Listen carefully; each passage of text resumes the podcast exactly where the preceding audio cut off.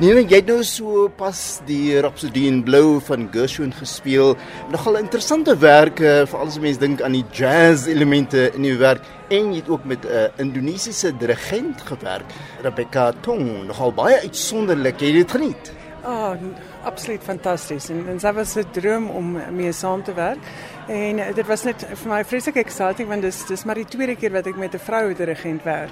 En sy was wonderlik, baie ondersteunend um, en ek dink dit is 'n ongelooflike program vanaand. Geniet jy die Gershwin werk? Ja, ek, ek sien ek het dit al jare gelede gespeel en dit ek op 'n stadium die Gershwin konserte in F gespeel. En ek was nog altyd wat ek nou maar in Engels moet noem 'n closet jazz pianist. So 'n goeie vriend van my wat eintlik 'n jazz professor is, het vanaf my geskryf en hy het gesê as jou as jou vingers ingee, dan kan jy maar 'n jazz pianist raak. Nee, maar jy het 'n baie wye repertorium. Daar's omtrent iewers so 40 konserte op in jou repertorium. Moet 'n mens spesialiseer of moet 'n mens so wyd as moontlik gaan?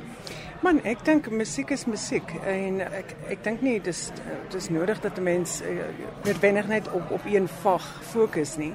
So ek leer so wyd as as wat ek moontlik kan in die laaste paar jare natuurlik vreeslik baie kamermusiek en die waarheid is hoe ouer mens raak, hoe meer werke het jy nou aangeleer en dan begin jy grawe vir, vir, goed wat interessant is. Maar jong pianiste besef nie altyd mens regtig waar 'n kop skuif moet maak om deur die verskillende periodes te werk en ook jou aanslag te moet verander. Ja, kyk, um, ek dink in in in Suid-Afrika veral almal begin natuurlik met Bach en en dan 'n uh, bietjie Mozart en Beethoven en dan groei hulle tot 'n Chopin. En ehm um, ek dink van die komponiste wat wat agterweë bly is 'n komponis. Dis is dis is Gershwin. So ek sou sê daar seker omtrent 10 komponiste wat wat jong pianiste op fokus en ek probeer altyd, jy weet, veral vir kompetisies om interessante goed in te gooi wat die paneel nie gaan verwag nie. Ek dink altyd my studente gaan 'n beter kans hê om te wen.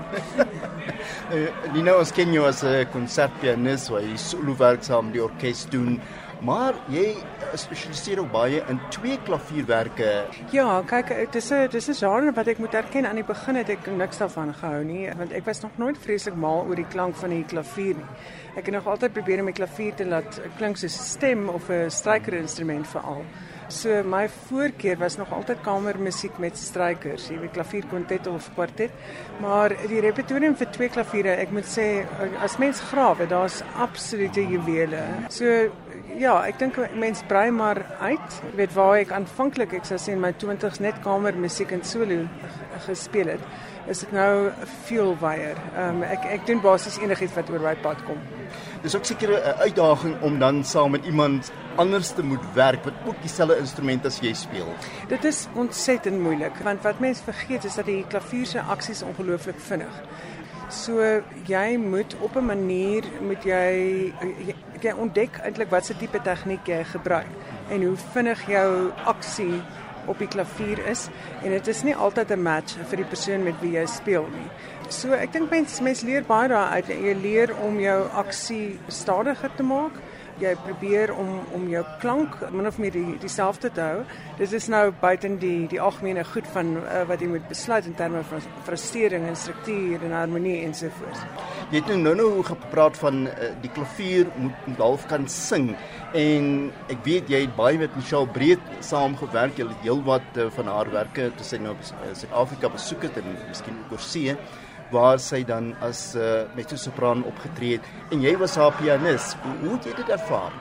Weet jy, dit was dit was 'n ongewone leerervaring. Ek moet sê van ek ek het baie sangers begelei in my loopbaan, maar dit is nooit iets wat ek sou sê ek sou in spesialiseer nie. In die eerste plek, ek het nie die agtergrond van die tale nie ensovoorts en en my dit was definitief my suster se vak.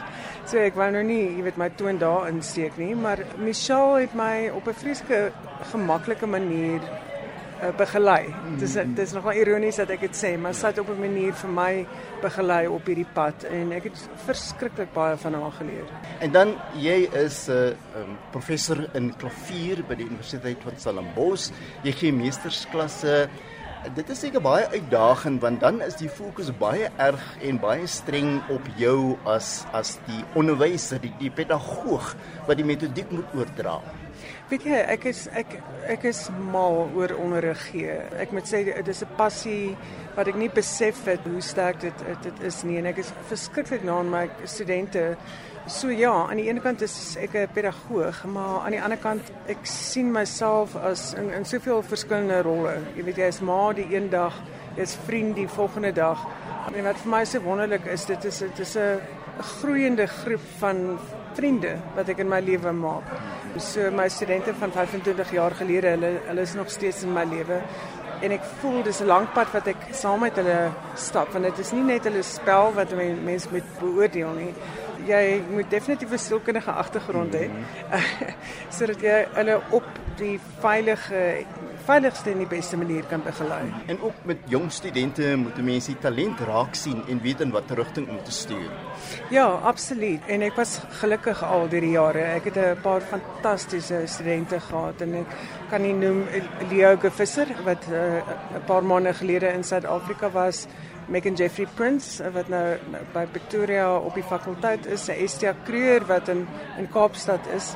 Ja, so ek ek was nog altyd ongelooflik gelukkig eh, met die talent wat ek gehad het. Maar wat lê nog vir Nina Schumann voor? Man, ek dink jy weet my my lewe het baie verander eh, 'n uh, hele paar jaar gelede. So ek my planne, ek hou dit altyd in my agterkop dat ek nie te ver vooruit probeer beplan nie. So ek het nou konserte regdeur tot aan die einde van die jaar en 'n uh, paar aan die begin van volgende jaar en dan kyk ons wat gebeur.